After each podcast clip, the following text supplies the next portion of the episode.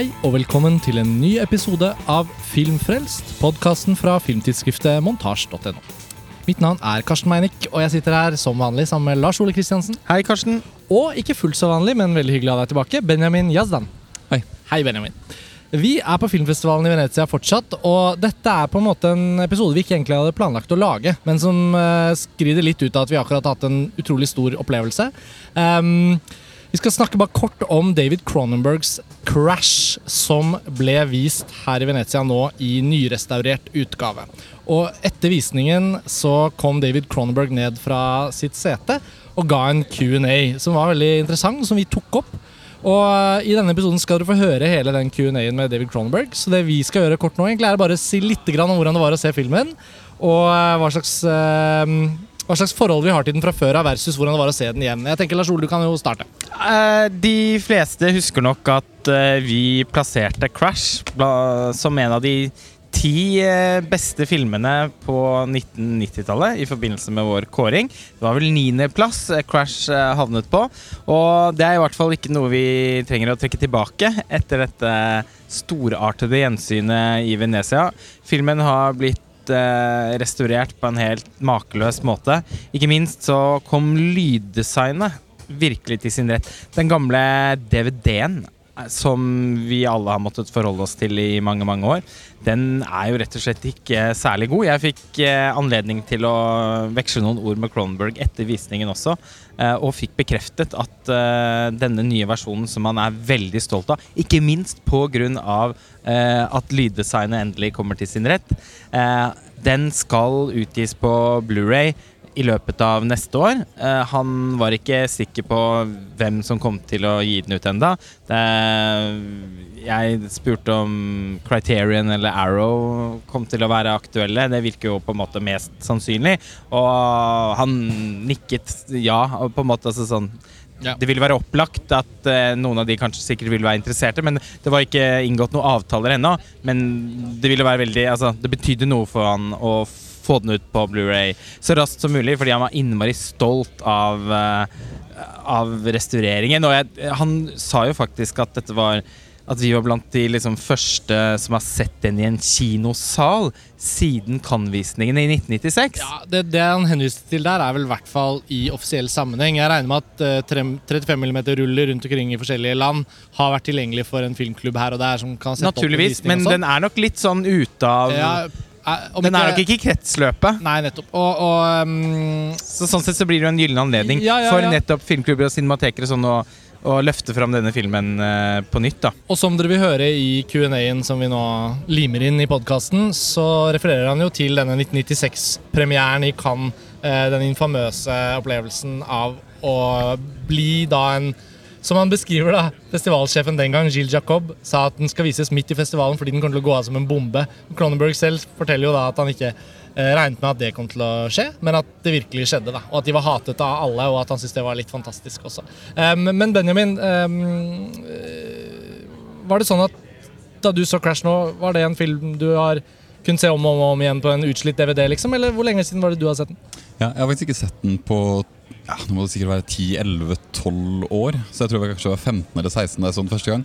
Jeg har ikke i motsetning til dere sånn et veldig nært forhold til Cronenberg. Jeg liker ham veldig godt. Syns flere av filmene er strålende. Men uh, han har på en måte ikke fulgt meg, meg siden, egentlig. Uh, det, det var jeg nok mest opptatt av da jeg så den første gang, av sjokkeffekten. Uh, som ja, til tross for at Cronenberg underspiller det selv, da, er jo helt, helt klart til stede. det er jo noe fortsatt rystende over å se seksualitet bli portrettert så Klinisk er ofte en klisjé som blir utsagt om den filmen, her, men den er jo egentlig ikke klinisk heller. Det er heller at den tar er snarere veldig sensuell, snarere veldig sensuelt som, som han også, var opptatt av å understreke. Ja, ikke sant? At den avbryr noe som er, eller blir sett på som en kulturell patologi. Det blir kanskje ikke sett på engang, fordi det er jo ikke akkurat et fenomen man snakker om så veldig ofte. Altså det at folk tenner på sex under bilkrasj.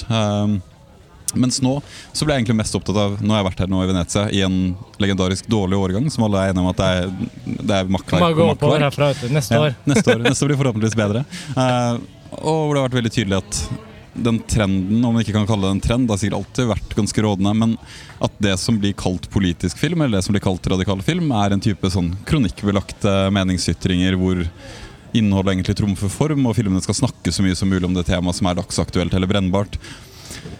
Og så får man- får Nærme man på en sånn ja, godhetsposerende måte. Godhetsposerende måte og en sånn minste felles multiplimonisme. Mm. Uh, og så kommer det en type film som dette i en helt nydelig restaurert utgave som er ekstremt analytisk, teoretisk, og som fremfører en hypotese om modernitetens kjølighet osv. Mm. og det er jo helt ubestridelig at den gjør, men den gjør ikke det gjennom å snakke ut utsigelsene sine, men heller å veve det inn i Ikke, ikke veve det inn i heller, men la det utgå fra, fra formspråket hele veien. Mm. Det er Eh, vel- det er så monomant og konsekvent gjennomført. Det er veldig Det er nesten oppløftende å se at den type film jeg holdt på å si blir, blir lagd i dag, det gjør det jo ikke. eh, Men, ikke nok av, men eh, i hvert fall kan bli vist i en så fantastisk restaurert utgave. Og minne oss i hvert fall om at film kan også være politisk interessant eller radikalt. Altså, og selv det om det ikke er framført som en interessant- kronikk. Og å studere på en måte hvor godt Kronberg lykkes med å eh, Som du sier, på en egentlig ganske sånn iskaldt, da. Si noe om hvordan mennesker opplever en intens form for fremmedgjorthet som dytter de vekk fra eh, normaliteten og over i en potensiell destruktiv, overskridende livsførsel. Altså følelsen av å leve eh, blir så intens at de egentlig da må praktisere en form for selvskading for å i det hele tatt eh, kjenne at Kjenne på en slags vekt. da Og det at han lykkes med å gjøre det så sanselig tilgjengelig i den filmen, det er innmari imponerende. Det er jo virkelig en av de vesentlige såkalte fenomenologiske filmene. Ja, ja. som, hvor, eh, hvor man Hvor bare lydene og synet av metall nesten lykkes med å bli opphissende, da. Er, han spøker jo med det i den Q&A-en, at hvis noen føler seg opphisset av filmen, så for all del, vel bekomme. Jeg skal ikke dømme noen. Ja, og det er ikke sånn, Jeg sier ikke at jeg blir opphisset av filmen, men jeg blir litt sånn intellektuelt opphisset fordi at jeg tenker at uh, den seksualiseringen av objekter som han, uh, som han tross alt uh, maner fram da, i filmen, den, den, den, den, den sniker seg innpå deg på en helt Og han er alltid også litt melodramatisk. Mye pga. Howard Shores Altså det valkyrierittet Howard Shore holder gående på lydsporet. Eh, er han jo egentlig Han er jo egentlig et annet modus her, med en sånn metallisk eh, Mye gitar, elgitarer og sånn på, på um, eh, i, i musikken. Men mot slutten der så kommer de eh, ja, typiske Howard Shoreske eh, strykerne, da.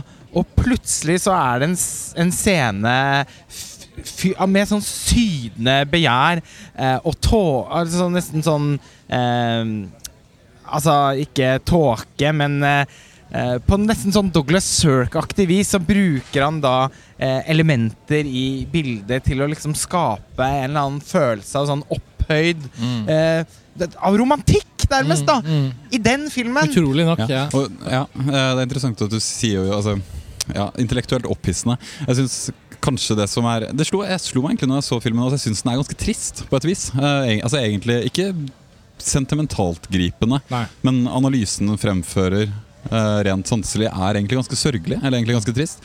Uh, og det er veldig tydelig at Cronberg vil helt klart si et eller annet om at det finnes ikke noe utside fra dette. eh, og det gjør han da gjennom å ikke introdusere de fetisjene, eller det som egentlig kan man si er en sånn stand-in for et varefetisjistisk eh, forhold til, eller en erotisering av eh, ikke-levende objekter. Gjør han ikke gjennom å bringe det inn i noe som allerede er normaltilstand, sånn at det skal oppleves som unntaket, men at det er konsekvent hele veien. Altså de er så å si nesten, Bildene er nesten født inn i det. Altså Det finnes ingen utvei eh, på et eller annet vis. De er sånn, ja. Noe av det som hjelper den følelsen veldig, er jo også at han rent sånn strukturelt, både i manus og klipp og hele formen på filmen, aldri liksom tar oss, geleider oss inn. Det er bare sånn, Scenene kommer Ja. som sånne Ja. linjalformede, presise Mm. uttalelser, nærmest. Og det er helt fantastisk å se, fordi jeg innså jo nå hvor sjeldent det er. Mm. At noen kommer med en film, og de par-tre første scenene Mm. sier bare 'dette er menneskene'. Dette er det de føler eller ikke føler. Mm. Dette er hvordan de uttrykker seg. Dette er det seksuelle eh, Ikke begjær, men altså de, de søker i sin seksualitet etter en eller annen form for sånn livsoppfyllelse. Mm. Og, og hvordan ingenting liksom introduseres eller pakkes inn eller serveres til oss sånn at vi skal få det behagelig. Uten at den er ute etter sjokkeffekter heller. Og det sier han jo også i Mm. Q&A. Så det er ikke det Ja. som er poenget. Hvis noen blir sjokkert, greit, men liksom. Mm. Og det var det ut, En ting er at vi har jo visst lenge at det er et storverk, og at Cronenberg er en eksepsjonelt egenartet og jeg håper å si vellykket filmskaper. Men det er noen gang sånn at han har ikke laget den særlig med blødmer heller. Det virker som at hver gang han har laget en film, så har han virkelig lagd det han skal lage. Og det er noe kutt Det er noe sånn, sånn en helt enestående filmografi er en av, ja, Ja. eh, som jeg har et veldig veldig, veldig nært forhold til. Og jeg blir slått igjen av at Cronenberg Det er aldri noe skill, skarpt skille mellom tanken og følelsen hos Cronenberg. Han kan gjerne begynne med tanken, men følelsen kom, den kommer alltid. Og det ser vi jo i noen av de Altså, han er veldig glad i sånn brå overganger fra noe nesten sånn kirurgisk eh, presist og, eh, og på en måte litt sånn iskaldt iscenesatt til noe nesten sånn hudløst Endog melodramatisk, eh, som jeg sa i stad. Vi ser det i den, veld, det veldig berømte klimakset i The Brood. Det er kanskje første gang han gjør det. Eh, og hvor Howard Shore òg liksom finner sin stil som, som komponist. Eh, og disse, ja, Det er bare å tenke på som nesten sånn, eh, som jeg sa i stad, sånn valkyrieritt i komposisjonen hans. Eh, og også i Crash, helt til slutt, så kommer det. Ja.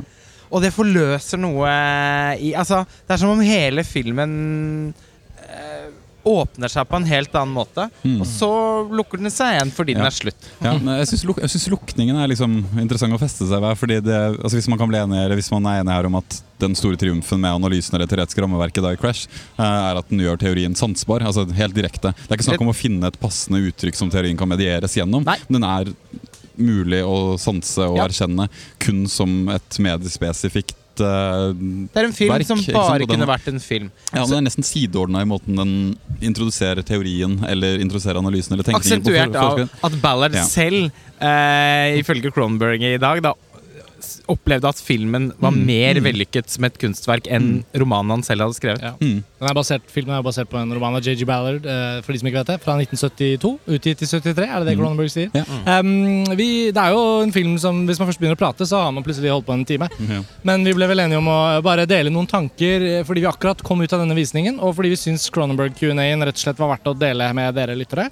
Så i podkasten vår om 90-tallets beste filmer så snakker vi jo mer om Crash. Eh, på en måte skulle jeg veldig likt å ha denne visningen i kroppen, som vi akkurat har opplevd, og så snakket om Crash. Eh, men eh, det, det, det, det er ingen tvil, tror jeg, om at den DCP-en som nå foreligger av en 4K-utgave av Crash, vil jo reise. Eh, en ting er Blu-ray-utgivelse, men det er vel ingen tvil nå om at det skal få sin første Oslo-visning. ja, eh, jeg måtte, Vi må jo avslutte med det, Lars Ole, Ja. fordi han var jo her i fjor. Mm. Og vi stilte ikke det spørsmålet i dag, fordi vi stilte det i fjor. Mm. For de som ikke vet det, men det er mange som vet det. Oslo kinos kinosjef, eller Oslo kinematografers kinosjef Ingeborg Moreus Hansen bestemte seg for å forby, fordi Oslo kino hadde monopol, da, forby Crash av David Cronberg til å ha Oslo-premiere. Den har fortsatt aldri hatt Oslo-premiere. Og øh, vi spurte Cronenberg i fjor på pressekonferansen, for da var han her for å motta æresgulløven, om eh, hva han tenker om det nå. Og om han husker det. Han husket det meget godt. Og han svarte i fjor at eh, Crash dessverre ikke foreligger som en DCP, da, og at det da er vanskeligere å, å få sendt den filmen rundt. Og da sa han bare men det er påbegynt en restaurering. Flash forward til nå, og så kom den restaureringen også til Venezia. Så det er jo litt uh, sterkt å tenke på at nå åpner den døren seg. da. Uh, endelig kan David Cronenbergs Crash få Ha sin premiere i Oslo-premiere. Oslo! Det må vi forsøke å engasjere oss i at uh, kommer til å skje. Det er ikke sikkert det er så mange som skal opp og kjempe på de barrikadene, så kanskje det er vi som må gjøre det. Vi får se. Kjære lyttere, nå skal dere få høre David Cronenbergs Q&A etter Crash. Og um, ja, vi har gjort bare noen korte redigeringer for å få spørsmål fra salen til å ikke ta 30 sekunder før de kommer. Men utover det så er det eksakt sånn som det var. Vær så god, David Cronenberg.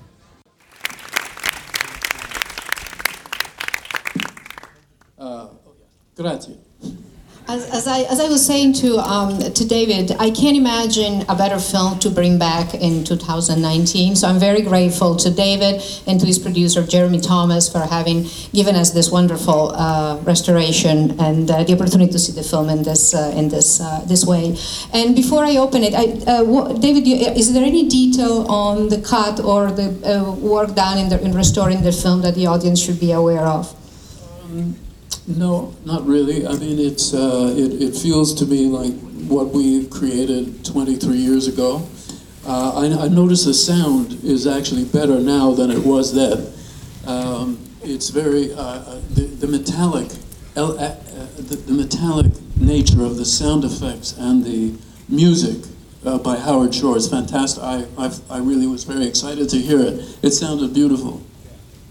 And um, I, going back to the, the film was screened in Cannes in 1996. And Francis, you know, jury headed by Francis Coppola gave it a special award. And but uh, in in the UK and in, in the United States, especially, the film had quite opposite uh, reaction. It was accused of being violent. It was accused of being pornographic. As you see, there is nothing the way you, you directed and, and, and, and imagined this film that is pornographic or violent. Why do you think it, it hit the audience, uh, the, the, the critics in particular, uh, this it's simultaneous. They, oh yeah, yeah, yeah, yeah. Um, yeah, well, it, I was very surprised at the extreme reaction to the film because uh, when I when I made the movie, the book was already 20 years old by Ballard.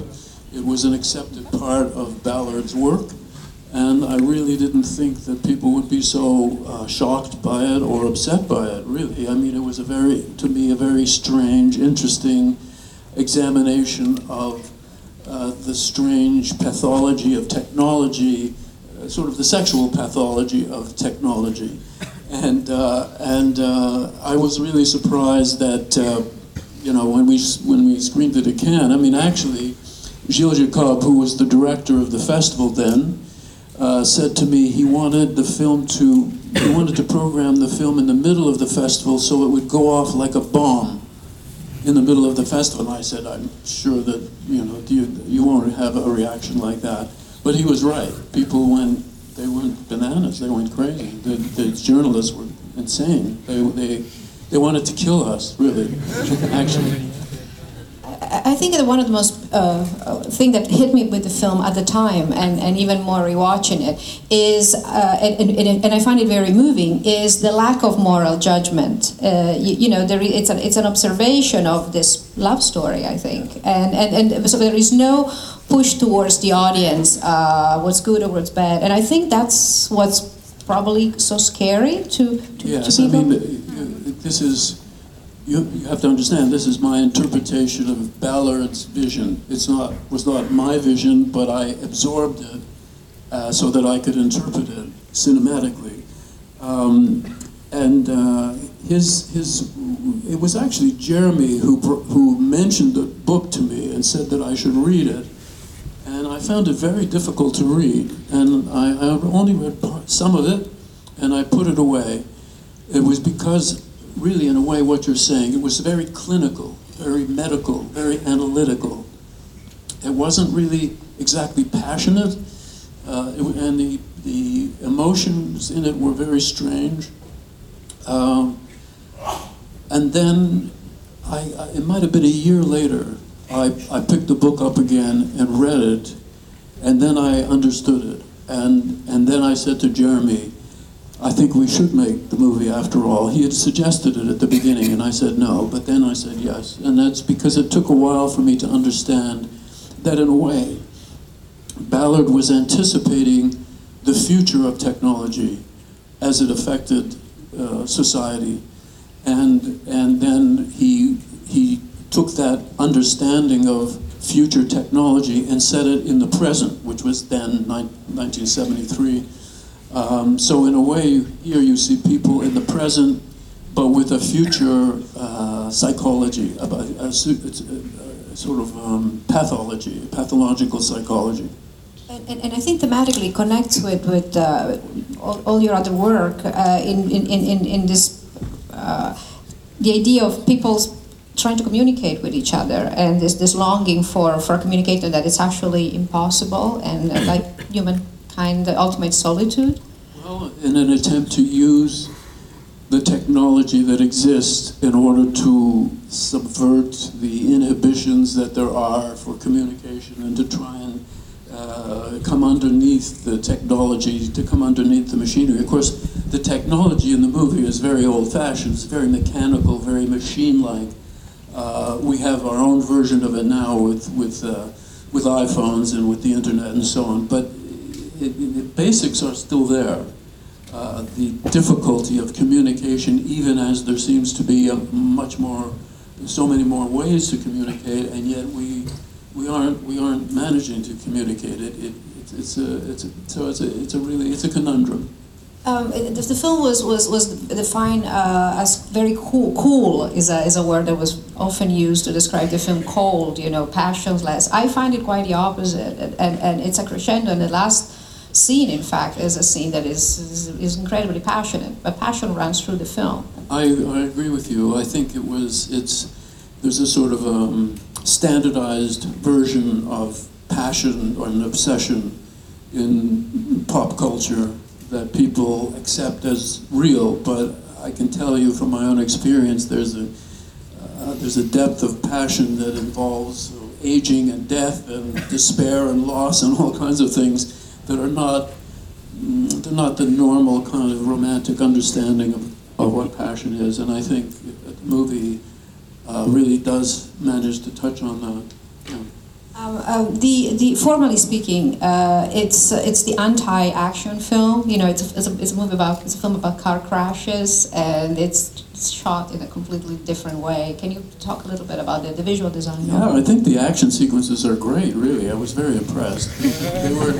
We didn't have a big budget, you know, but the idea was to make it very well. As as Vaughan says, it's sort of messy and scratchy and dirty. You know, uh, prophecy is messy and dirty, and I think the action scenes here are messy and dirty. You know, they're they're clumsy and they bump things are bumping into each other and clanking, and there's not really very spectacular in some ways. Uh, and it's much more in a, strange way, even in a film that you wouldn't think of as realistic.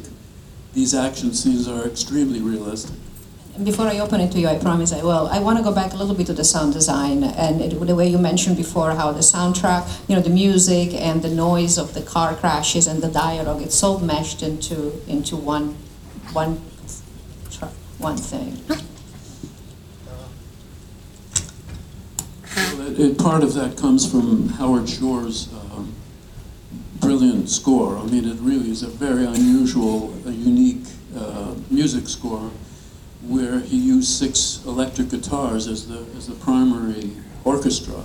I've never heard anything like that before. And, uh, and the music then has inspired the opening credits, which are very metallic.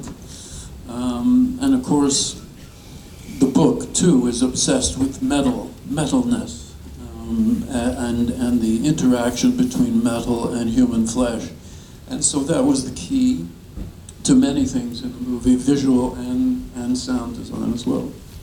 Question. There. Firstly, congratulations on the restoration. It is wonderful, and I agree with you with the sound design. My question, and I'll try and keep this short.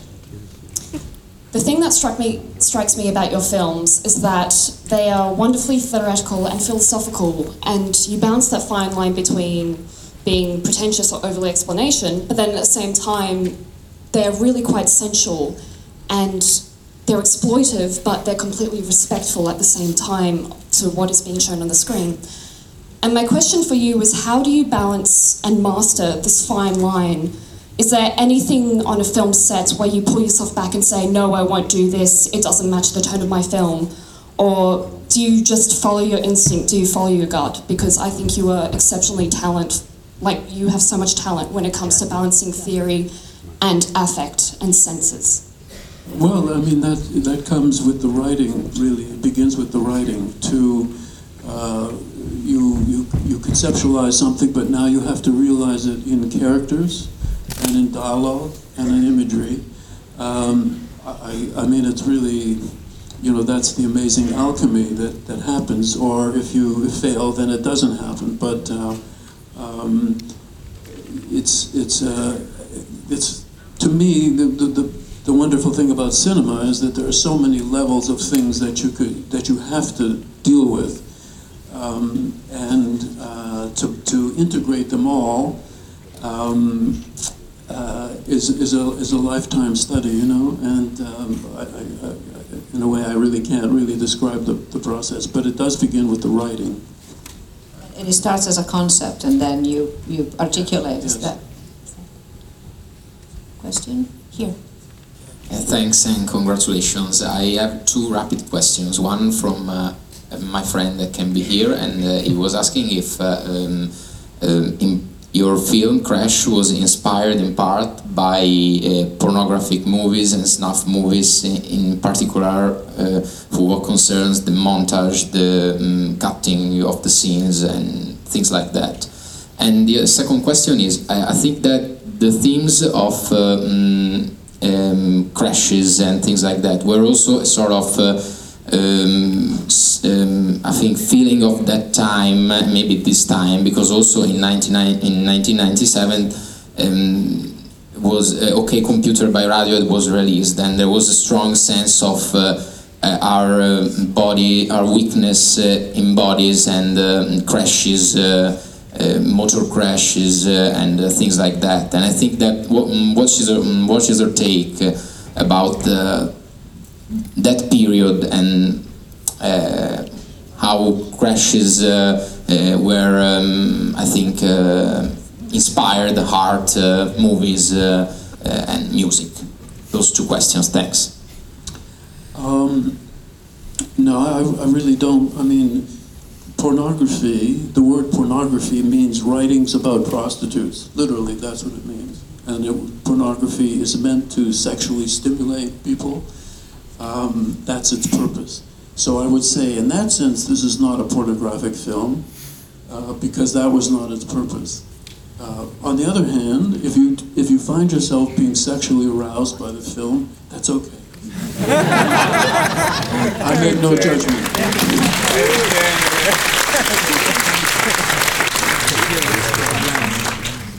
Um, and the second question? It seems to him that the uh, uh, car crashes and uh, were sort of in the zeitgeist of the end of the 90s, and he's, he's, he's quoting a, a Radiohead album that came out in 1997, and, it, and, it, and, it's, and so if the movie was also um, influenced by this, this, this imagery that was of the moment.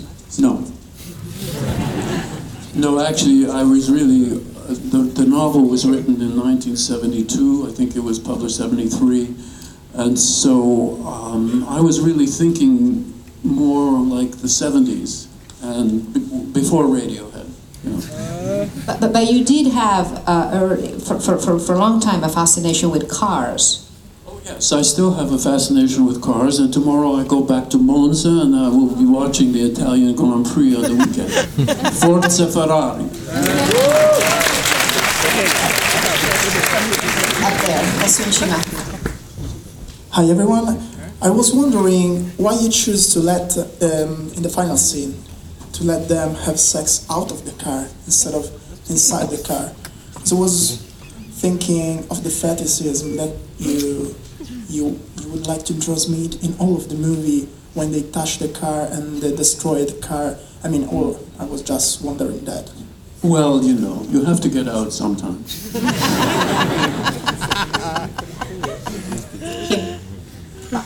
Hey, David. Um, my question for you is, um, was the Atrocity exhibition, which is what Crash is based on, was that your first experience uh, with J.G. Ballard? Um, and how has his work affected you? Because it seems like you two are kind of comrades in arms from different periods of time. And also, what, what did he think of the film? Um, I, I, di- I wasn't, I knew of Ballard's ex- existence, but I hadn't read anything of his um, until I read Crash. Um, when we screened the film in Cannes in 1996, Ballard was there. Uh, he was sitting with us. He loved the film. And uh, at one point, uh, there was a, a journalist. You know, we were attacked by everybody. Many, many journalists were yelling at us and attacking us. It was great. And um, one of them, I think he was from Finland, I think, and he said, "This film is an atrocity. It's you know, you took a great novel and you've just destroyed it. You've misinterpreted it." And then Ballard said, "No, it's actually better than my book." so the guy had to shut up and sit down. So, Um, and actually, Ballard was serious. He, he, he really was very, he loved the, the, the movie, and he felt that it added some elements that, that were inherent in the book but weren't really upfront, sort of, a kind of sensuality and so on. Um, and he was really, he really loved the, loved the movie. And after the, after our panel, we went out and we all, you know, ate and drank and had a great time. So uh, I loved him. He was a really wonderful, wonderful man. I was very, very sad when he died not, not that long ago. Did, did you two discuss doing other work together? Was there anything else that you thought? Um, there were there were suggestions uh, about doing his book High Rise, for example, uh, but I had done one of my early movies, um, Shivers, uh, took place in a high rise, so I, I really felt, you know, that I, I, I did, had done that or my version of that, um, and so we never no we never really came together on another project. But Ballard was really uh, he found he found Cannes a, a, very exciting but overwhelming experience. He is a writer. He lives in Shepperton, which is a very quiet English town, and he said, you know, this is this is a little too exciting for a writer, David. He said. Hi. Um, you have, of course, filmed a lot of uh, very shocking scenes during your uh, career. And my question is, do you think, have you noticed um, a kind of uh, evolution in the audience? Do you think the audience now is uh, most difficult to shock uh, than it was, I don't know, 40 years ago? Um, I, I, yeah, I must say, I have never think in terms of shocking an audience. Um, and that's why I was so surprised at how extreme the reaction was to this movie when we first showed it. Um, what I, what I'm, the way it feels to me is not like a, you know, Alfred Hitchcock liked to think that he was a, a puppet master and he would manipulate the audience and he would pull strings and make them jump and scare them and stuff. I've never felt that way about my filmmaking. I feel like I'm going on a, an exploration, a trip, exploring elements of human, the human condition, and I find things and I find them interesting and I present them to the audience and I'm basically saying, you know, I find this to be of some interest and, and let's see what you think. So I, have never really worried about whether I'm shocking the audience or not. I, I would worry if I was boring the audience. That would not be a good thing. But as, so I, I, it's hard for me to say, really. Um, you're the first audience who's seen this movie in a theater since 1996 probably. so you can tell me whether how, how you reacted. But it, um, uh, as I say, that if, if people were not shocked, that would be okay as well. You know, I'm, I'm not looking to do that. That's not my purpose.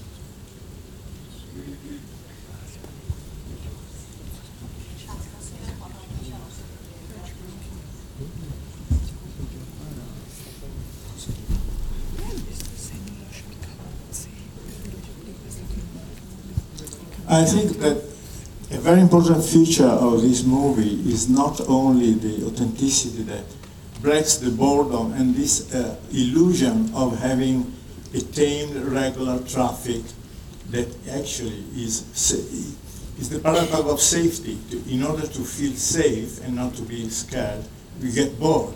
And, and, and the, is a paradox of boredom and, and, the, and the need of thrill to break the boredom of which part is definitely uh, sex is a very important part of it, but it's not the only element that there's been also the speed, the, the thrill of the speed and the danger of, of death as well. So it is the, the kind of mechanism that leads to practice extreme sports. And, and I, I think it's very powerful, this movie, to show all these links to, to break the boredom of modern life because modern life can be also extremely boring. So when you see the, the landscape of traffic, they're very monotonous. And to think that experience of the subject, you, you, that movie expresses this very well when they contemplate the traffic and they feel that is just overwhelming and, and, and it's hard to, to bear, really. So I think it's, it's the complexity of all these feelings and, and, the, and to break the patterns to, to achieve authenticity through the interruption of the so-called normality is very important element of this movie. That reminds me of another movie of uh, Robert Altman, which is Shortcuts, when you see uh, the boredom of the everyday life that is broken by accidents, the, the li- little accidents.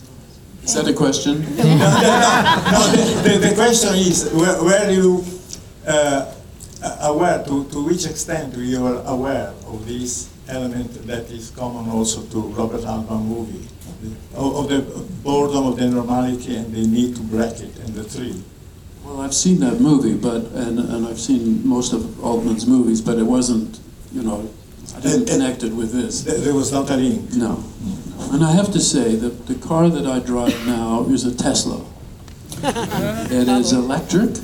It uh, doesn't make this kind of noise, and it can drive itself. So you know, if everybody drives a Tesla, then you'll have to program in some crashes because it, it, it's very hard to crash the Tesla. I think you have time for one more. Uh, well, no, here.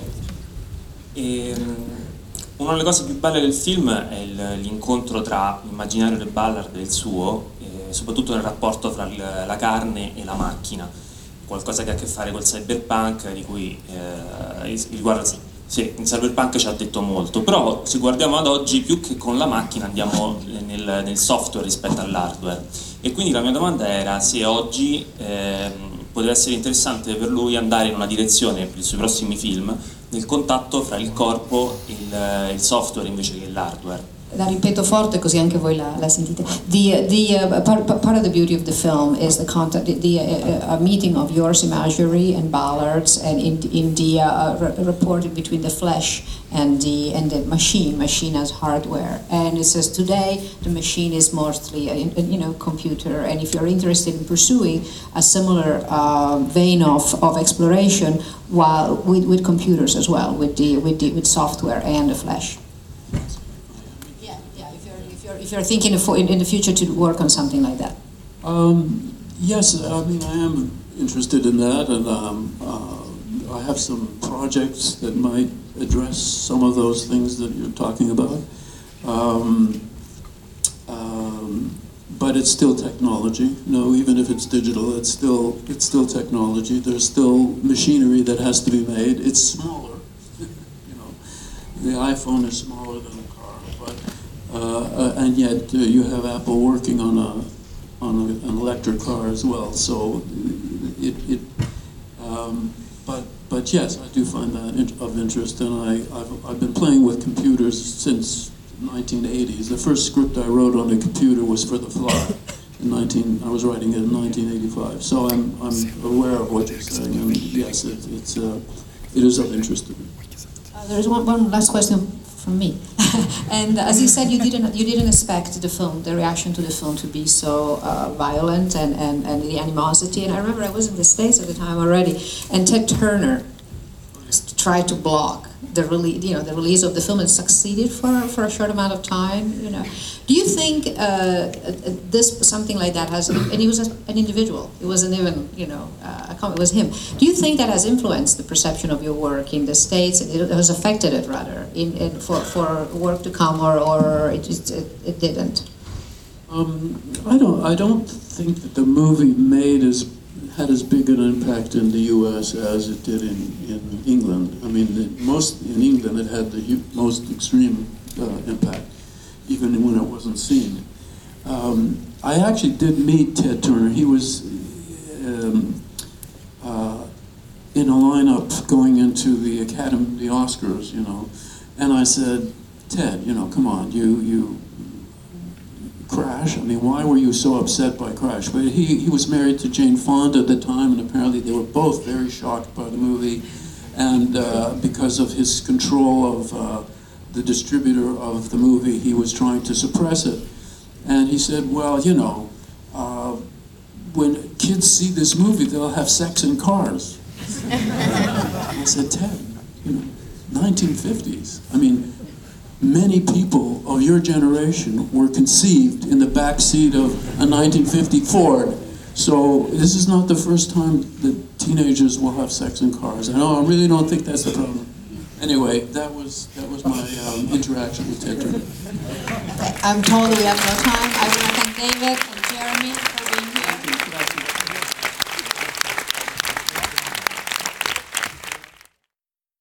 Og det var egentlig da Q&A-en. Den var ikke så lang, men han fikk sagt mye. Eh, vi er tilbake med en ny episode av Filmfrelst eh, om ikke så altfor lenge. Takk for at dere hører på, og ha det bra.